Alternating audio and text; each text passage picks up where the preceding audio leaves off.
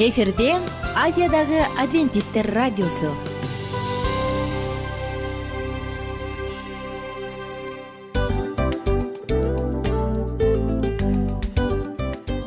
Достор салют. Баардык сүйүктүү угармандарыбызга салам айтабыз. Кутман күнүңүздөр менен.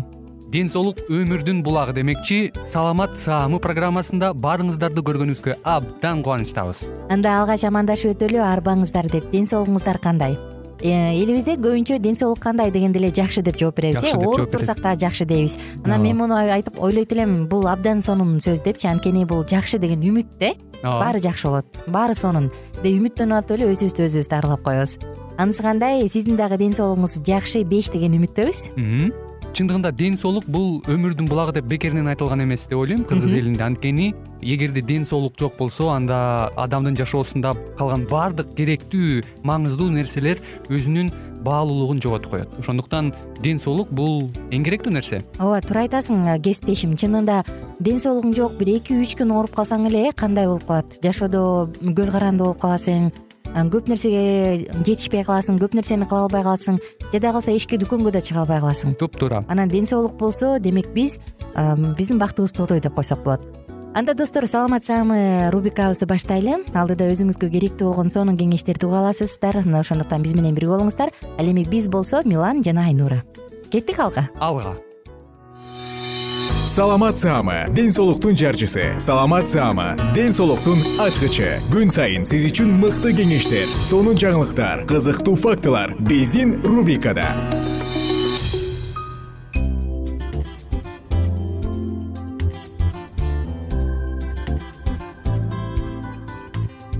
саламатсыздарбы достор? Жалпы биздин сүйүктүү угармандарыбыз менен бирге биз саламат заама рубрикасын баштадык. Жана бүгүнкү тема ичеги карынга кам көрүү. Ичегилерге кам көрүү деп аталат. Негизи ичегиге кам көрүүдө эң эле жакшы нерсе бул ичегилердин клетчаткага бай азыктар менен камсыз болушу. Негизи ичегиде эмне себептен көпүнчө көйгөй пайда болот дегенде бул клетчатканын жетишсиздигинен экен ичегинде дегиз эле ичегиси ооруптур ичегисин кесип салыптыр ичегисинде мындай көйгөй бар экен дегенди көп эле уксак керек э достор. Мына дал ушундай көйгөйдөн алыс болуш үчүн жакындарыбызга керектүү учурда жардам бере алышыбыз үчүн бүгүнкү программаны тыңдаңыз деп чакырабыз. Эмесе ичегиге кантип туура кам көрүш керек? Биринчи эле кезекте суу ичиңиз. Кадимки эле суу ичегиге суу абдан керек. Ичеги суусуздандыра ала баштаганда биздин денебиздеги баардык баардык баардык суулардын запастары түгөнө баштайт. Мына ошондуктан ичегиге суу керек. Адамдын заңы биз мурунку уктурууда айтканбыз ичеги аркылуу өтүп өтүп керек эместердин баары топтоло туруп анан сыртка чыгат деп э. Заң канчалык катуу болуп чыкса демек адамдын организминде ошончолук суу жетишсиз экенинен кабар берет. Экинчи кезекте көбүрөөк пробиотиктерди колдонуңуз. Бул тирүү организмдер булардын баардыгы тирүү организм же тирүү бактериялар негизи мындай бактериялар адамдын ичеги карынында жашашы керек. Ошондуктан эгерде биз туура эмес тамактанып жатсак антибиотиктерди көп ичип атсак анда жогоруда айтылган тирүү пайдалуу бактерияларды жешибиз керек болот. Бул албетте азыркы учурда дарыканаларда ачык эле кенен сатылып калды. Мына өзүңүздүн доктуруңуз менен кеңешип алган соң аны алып ичип койсоңуз болот. Ал эми табигый антибиотиктер же болбосо пробиотиктер бар деп ойлойсузбу. Албетте табигый эле пробиотиктердин булагы болуп бул квашеная капуста саналат жана йогурт. Булар дагы эң сонун жардам берүүчү өсүмдүк жана азык түлүктөр кийинкиси эгерде сиз ичегиге кам көрөм десеңиз анда ичеги карындын иштешин буза турган кыжырдантуучулардан абайлаңыз. Же раздражители деп коет эмеспи орусча? Дал ушундай кыжырдантуулардан эң биринчи кезекте сиз чакмакташылган азык түлүктөрдөн баш тартыңыз. Алардын курамында кадимки эле кумшекер ак ун болушу мүмкүн. Же болбосо клетчаткасы өтө аз болгон тамак аш болушу мүмкүн. Выпечка пирог торт булардын баардыгынан тең өтө эле колдон келишинче жокко чыгарып же аз колдонгонго аракет кылыңыз. Кийинки ичеги карынды кыжырдантуучу тамак бул май малдын майлары же транс майлар ошондой эле лактоза глютен дагы ичегини бузат. Мына ошондуктан этти дагы булардын катарына кошуп кетсек жаңылышпайбыз. Эми кийинки кезектеги сунушубуз колдон келишинче газдын пайда болушун алдын алыңыз.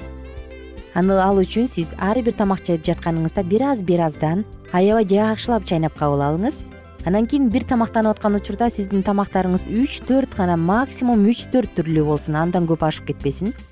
Тамактанып жатканыңызда сууга бышкан капустаны артишок жана ал пиязды жебей эле койгонго аракет кылыңыз. Бирок ушул эле азыктарды чийки кезинде жесеңиз анда эч мындан көппөйт. Бобовыйлар бар эмеспи боб өсүмдүктөрү. Аларды пайдаланууда сөзсүз түрдө ысык сууга бир сыйра чайкап алыңыз анан кыйын гана пайдаланыңыз жана ак нанды таптакыр жокко чыгарыңыз же өтө эле аз өлчөмдө азайтыңыз. Бул дагы адамдын ичеги карынында газдын пайда болушун шарттайт дагы эмне адамдын ичегисинде газдын көп болушуна алып келет? Бул кадимки эле кумшекер. Кумшекерди дагы жокко чыгарыңыз же өтө эле азайтыңыз. Ошондой эле сүт жана сүт азыктары. Булар дагы биздин ичеги карыныбызды кыжырдантып көп газды пайда кылат тамактанып жатканда артынан эч суу ичпеңиз суу дагы чай дагы ичпеңиз. Жогоруда айткандай кадимки эле пробиотиктерди жана кошумчаларды көбүрөөк жегенге аракет кылыңыз. Тамактанаар алдында активдешилген көмүртекти жеп коюңуз. Бул мүмкүн ар бир тамактанаар алдында экиден алты штука чейин болор. Адамдын ичегисинен ичеги карынынан газды чыгарууга жардам бере турган экстракт тундурмаларды жең ичиңиз бул фенхель сыяктуу анис же тмин сыяктуу өсүмдүктөр болушу мүмкүн. Жана ошондой эле дагы бир жолу кайталайын. Жетиштүү өлчөмдө клетчатка пайдаланганга аракет кылыңыз. Биздин жеген тамак ашыбыздын курамындагы клетчаткалардын жыйырма беш граммы күнүгө туура жакшынакай заң жана ичеги карындын туура иштеши үчүн абдан керектүү ошондуктан достор сиз сиңип кетүүчү жана сиңбей туруучу кандай гана болбосун клетчатканы көбүрөөк жегенге аракет кылыңыз. Көбүрөөк колдон келишинче бул сиңбей турган э клетчаткалар. Эми клетчатканын кандай пайдасы бар деп сурашыңыз мүмкүн. Эгерде сиз мындай деп ойлонуп калган болсоңуз албетте бул туптуура суроо клетчатка биздин ток өзүбүздү жакшы сезип жүрүшүбүзгө жардам берет. Демек биз ашыкча салмак кошуудан алыс болобуз. Ошондой эле заңды жумшак жана чоң кылып коет. Кийинки кезекте биздин каныбыздагы глюкозанын деңгээлин баардыгын тең регулировка кылып жөнгө салып турат. Ошондой эле достор ачуу кислоталардын баардыгын тең алдын алат. Жана кандай гана болбосун ичеги карындарга суук тийип дивертукулез дивертукулит же ичегинин сезгениши же болбосо өтө таштын пайда болушу геморрой жоон ичегинин рак оорусу сыяктуу баардык оорулардын алдын алганга жардам берет.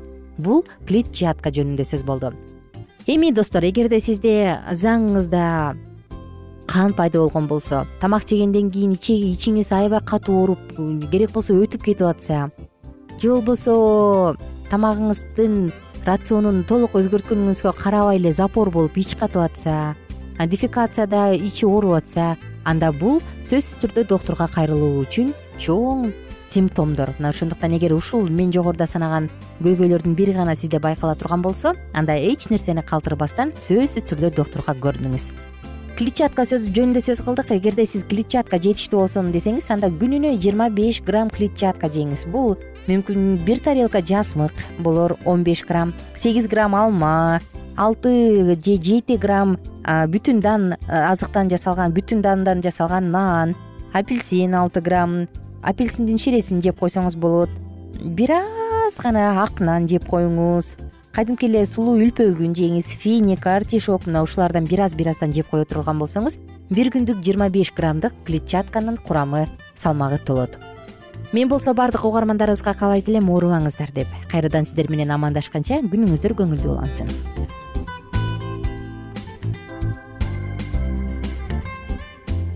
кененирээк маалыматтар үчүн үч w чекит саламат чекит клуб сайтына келип таанышыңыздар. Жана андан тышкары социалдык тармактарда youtube facebook жана instagram баракчаларына катталыңыз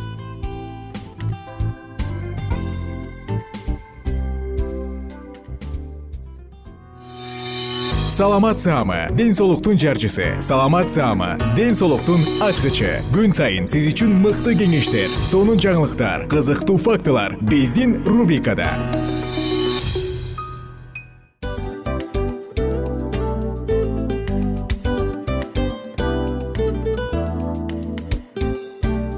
Салам достор.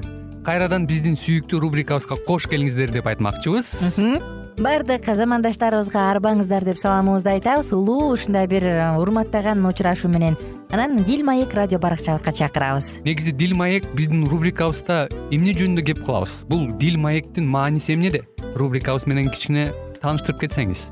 Сөзсүз түрдө тааныштыра кетейин кесиптешим суранычы боюнча бул учурда бул радио баракчада биз ар тарап кесип ээлеринен сонун кеңештерди алабыз сүйлөшөбүз сырдашабыз. Аталарыбыздын эжелерибиздин апаларыбыздын кеңештерин угабыз айтор. Жан дүйнөгө адамдын э, сапатына адамдын деги эле адам болуп жашашына керектүү баардык кеңештер алдыда. Негизи э, дил маек дегенде баягы эки адамдын ортосундагы сырдашуу кенен сүйлөшүү. Негизи эле биз адамдар бири бирибиз менен бир жерге жай жерге отуруп алып өзүнчө тынч э, жашоо жөнүндө өмүрүбүздө эмне болуп атканын бөлүшкөнү жакшы көрөбүз э адамдар. ооба туура айтасың. Анан мындай учурга кээде убакыт да жетпей келет э. Же болбосо сырыңды кайгыңды муңуңду кубанычыңды айткың келет а адамга ишенбешиң мүмкүн. Ооба. А бул радио баракча угармандарыбыздын чыныгы досу. Анткени бизден алган кеңеш сиздин жашооңузга чоң жардам берет. Ал эми сиздин бизге айта турган сөзүңүз ортодо гана сыр бойдон калат. Ошондуктан биздин дил маек рубрикабызга дагы бир жолу кош келиңиздер жана биз даярдаган маалыматтарга даяр болуңуздар. Айнура жана милан сиздер менен бирге алдыга кеттик. Ар түрдүү ардактуу кесип ээлеринен алтын сөздөр жүрөк ачышкан сыр чачышкан сонун маек дил маек рубрикасында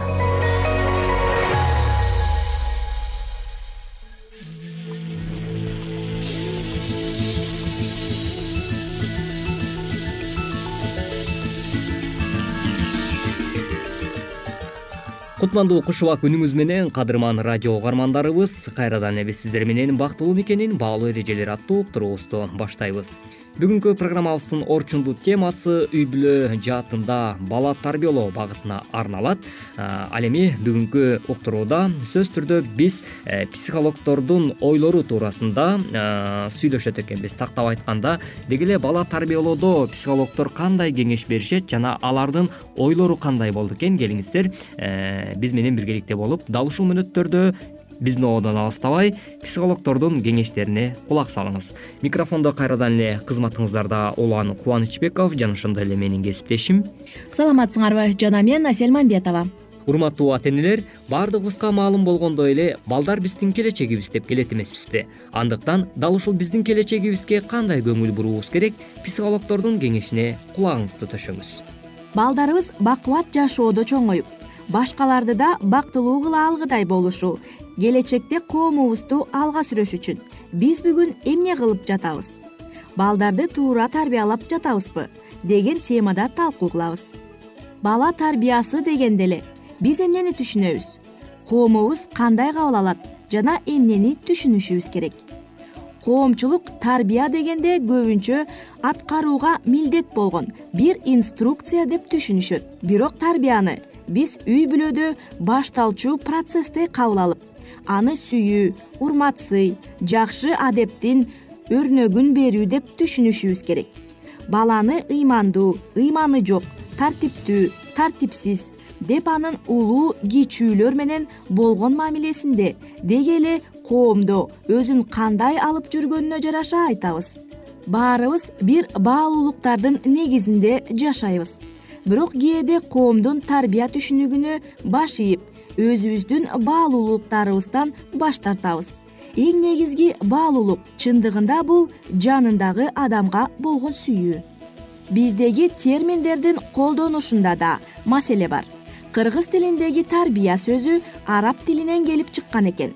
Уңгусу рабава деген сөздөн келип тарбия деген сөзгө өөрчүп анын негизги сөзмө сөз которгондо мааниси коргоо көздөө жана көтөрүү дегенди билдирет экен. Дагы бир мааниси бир нерсени баштапкы абалынан максимум даражасына чейин өстүрүү. Бирок бүгүн тарбия сөзү бир аз басмырлоо өз оюн таңгылоо деген мааниге ээ болуп калды. Түпкүрүндө андай болбосо дагы балдардын тарбиясы азыр кандай болуп жатат адатта тарбия деген сөз бул баланын руханий жактан жана физикалык жактан да толук кандуу адам болуп калыптанышына анын келечектеги бүт жөндөмүнүн ачылышына өркүндөп өсүшүнө жана бул жашоодо өзүнүн ордун таап кетишине көмөктөшүү болуп эсептелинет. Бизде ата энелер көп учурда бала бакчага мектепке барганда ошол жерден тарбияланышат деп ойлошот. Бирок чын чынына келгенде мектеп менен бир гана бала бакча баланы тарбиялайт деген түшүнүктөн алыс болгондору жакшыраак себеп дегенде эң алгач үй бүлөдө ата эненин милдети. Мектеп менен бала бакчага балдары барганга чейин эле үйдөн тарбиялаганы абдан маанилүү. Ушул нерселерди кээде айрымдарыбыз баамдай деле бербейт эмеспизби. Демек демек бул жаатта ата эненин жоопкерчилиги өтө чоң экендигин дагы эсиңизден чыгарбаңыз. Бирок чындыгында бала тарбияны үйүнөн көрүшү керек мунун бир себеби туулгандан баштап үч жашка чейин баланын аң сезими калыптана элек.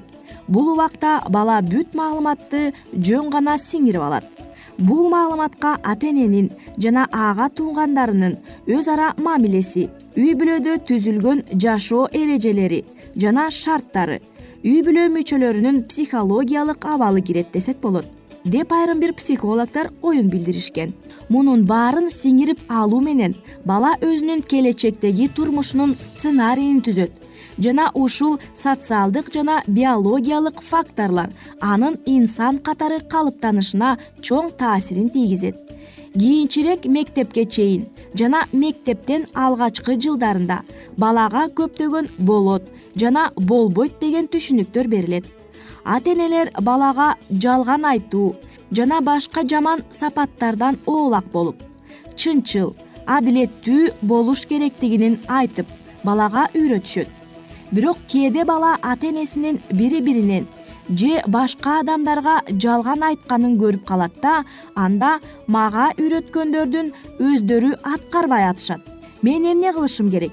Деген суроолор амбиваленттик сезимдер пайда болот ушундай болушу үчүн балага карата чынчыл болуп анын баардык суроолоруна ачык жооп берүүгө аракеттенишибиз керек. Демек эң биринчиден ата энелерге тарбия берилиши керек турбайбы деген тыянакка келсек болот. Албетте ал эми урматтуу ата энелер сиз балдарыңызга ар бир кылган жакшы иштери үчүн эле акчалай сыйлык берүүнүн өзү бул адашуу деп саналат.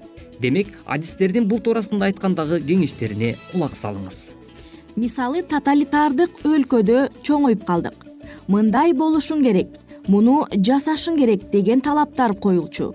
Көбүнчө баланы уруп тарбиялап кээде мактап эркелетип коюшчу. Ал эми чындыгында баланы урууга такыр болбойт. Себеби балага карата жасалган орой мамиле зордук зомбулук ошол балага жек көрүү душмандык ташбоордук катаалдык коркоктук өзүн өзү төмөн көрүү сезимдерин жаратат. Кийин жеткинчек кезинде мындай бала кичүү балдарга жана жаныбарларга карата зомбулук кылып чоңойгондо өз үй бүлө мүчөлөрүнө карата да зордук зомбулук кылышы мүмкүн. Жумушунда коркок жана бош болуп үйүндө тиран болуп чыгат. Дагы бир адашуу балага ар бир кылган жакшы иши үчүн акчалай сыйлык берүү мындай учурларда бала өз кызыкчылыгын гана көздөгөнгө үйрөнүп калат да келечекте эки жүздүү адам же болбосо манипулятор болуп калышы мүмкүн деп балдар психологдор ойлорун билдиришкен урматтуу ата энелер бүгүнкү берүүбүздө сиздер дал ушул бала тарбиялоодогу психологдордун айрым бир айтып өткөн кеңештерине кулак сала алдыңыз. Уурубузга назар салганыңыз үчүн ыраазычылык билгизебиз. Кайрадан эле биз сиздер менен бактылуу никенин баалуу эрежелери аттуу уктуруубуздан кезиккенче ар бириңиздердин үй бүлөңүздөрдө тынчтык жашоо болсун деп тилемекчибиз. Кайрадан ободон үн алышканча сак саламатта болуңуз ар түрдүү ардактуу кесип ээлеринен. Алтын сөздөр жүрөк ачышкан сыр чачышкан сонун маек. Дил маек рубрикасында.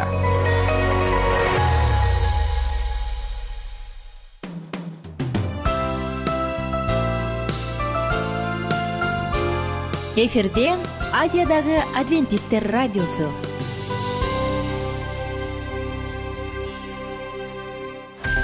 жан дүйнөңдү байыткан жүрөгүңдү азыктанткан жашооңо маңыз тартуулаган жан азык рубрикасы.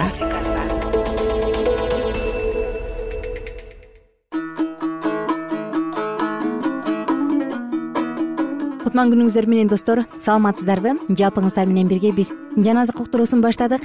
Жана бүгүн дагы насыатчы китебин сонун эң жакшы жашоого таасир бере турган сонун китепти окуганды улантабыз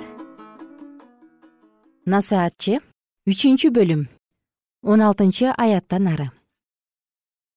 Дагы мен күн астынан адилеттик боло турган жерде мыйзамсыздык болуп жатканын көрдүм. Чындык боло турган жерде алдамчылык болуп жатканын көрдүм. Ошондо мен жүрөгүмдө мындай деп айттым. Адил адамды да мыйзамсыз адамды да кудай соттойт. Анткени ар бир нерсенин өз убагы бар. Ал жерде ар бир иштин үстүнөн сот болот мен жүрөгүмдө адам баласы тууралуу мындай дедим. Аларды кудай сынасын. Алар өздөрүнүн жаныбар сыяктуу эле экенин көрүшсүн. Анткени адам баласынын үлүшү менен жаныбарлардын үлүшү бир. Адамдар өлгөндөй эле булар да өлүшөт баардыгы бирдей дем алат. Адамдын жаныбардан эч кандай артыкчылыгы жок. Анткени баардыгы курулай убаракерчилик баардыгы бир жерге барат. Баардыгы топурактан жаралган баардыгы кайра топуракка айланат. Адам баласынын жаны жогору көтөрүлөбү жаныбарлардын жаны төмөн жакка түшөбү муну ким билет? Ошентип мен адам үчүн өз иштери менен ырахаттангандан артык эч нерсе жок экенин көрдүм. Анткени бул анын үлүшү. Өзүнөн кийин эмне болоорун көргөнгө аны ким алып келет? Насаатчы төртүнчү бөлүм. Анан мен күн астында болуп жаткан ар кандай эзүүнү көрдүм. Мына эзилгендердин көз жашы агып жатат. Бирок алардын сооротуучусу жок. Аларды эзип жаткандардын колунда күч ал эми алардын сооротуучусу жок. Ошондо мен ушул күнгө чейин жашап жаткан тирүүлөргө караганда небак өлгөндөр бактылуу деп эсептедим ал эми бул экөөнө караганда төрөлбөгөндөр күн астында болуп жаткан кыянат иштерди көрбөгөндөр бактылуу.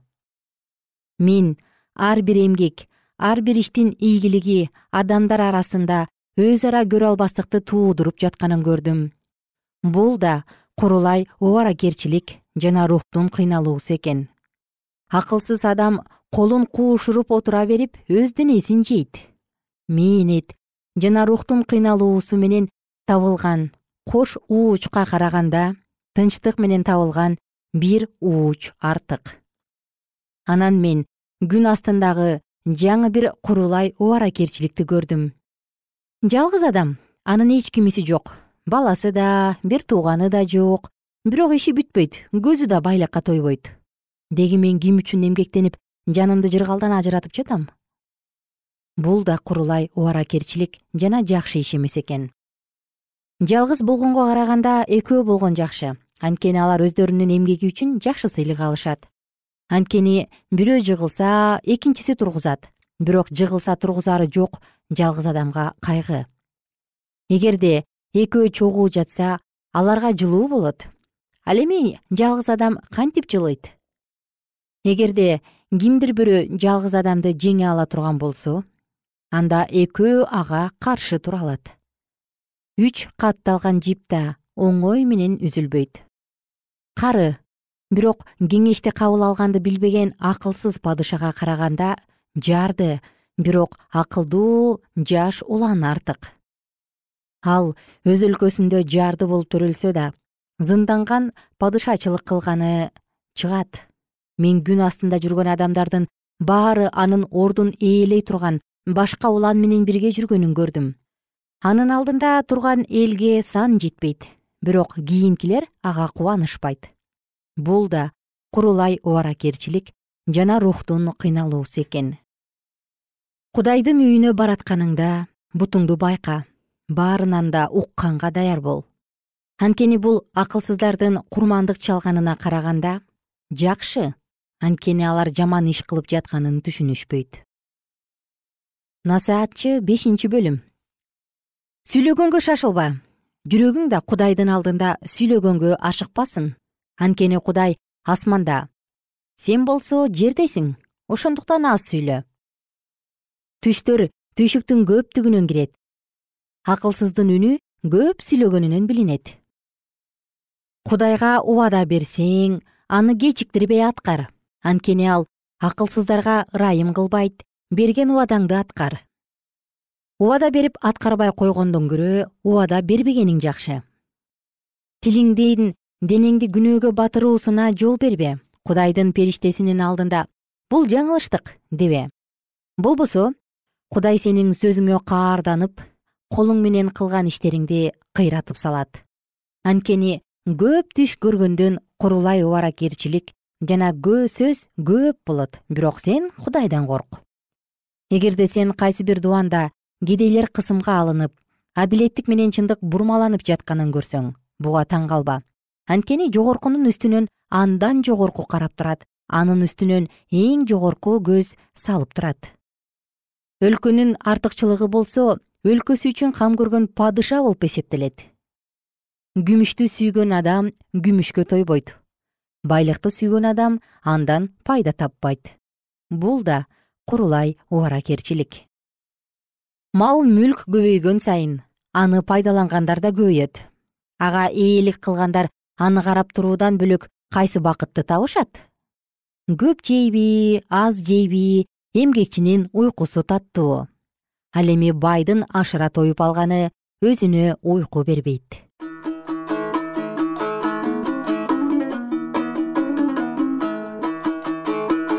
Кымбаттуу достор ардактуу угармандар мынакей бүгүн сиздер менен дагы биз насаат жигитебинен сонун сөздөрдү окуп өттүк чынында адам эмнеге тойбосо адамдын ач көздүгү кайсы нерсеге карата болсо ал канча көп болбосун баары бир тойбойт. Ал эми сонун сөздөр бар эмеспи ыраазычылык болуу улуу байлык деген. Кандай гана болбосун кичинекей нерсе болсо дагы биз ыраазычылыгыбызды айтып билдире турган болсок жаратканга ыраазы боло турган болсок анда албетте бул бизди жаман жолдорго баруубуздан ашыра ач көздөнүүдөн сактайт эмеспи сиздер менен убактылуу гана коштошом. Кийинки уктуруулардан кайрадан амандашканча сак саламатта туруңуздар. Кайрадан баарлашып үн алышканча.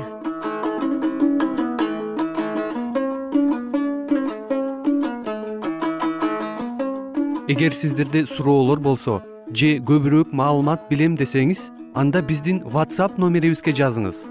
Плюс бир үч жүз бир жети жүз алтымыш алтымыш жетимиш. Кайрадан плюс бир үч жүз бир жети жүз алтымыш алтымыш жетимиш.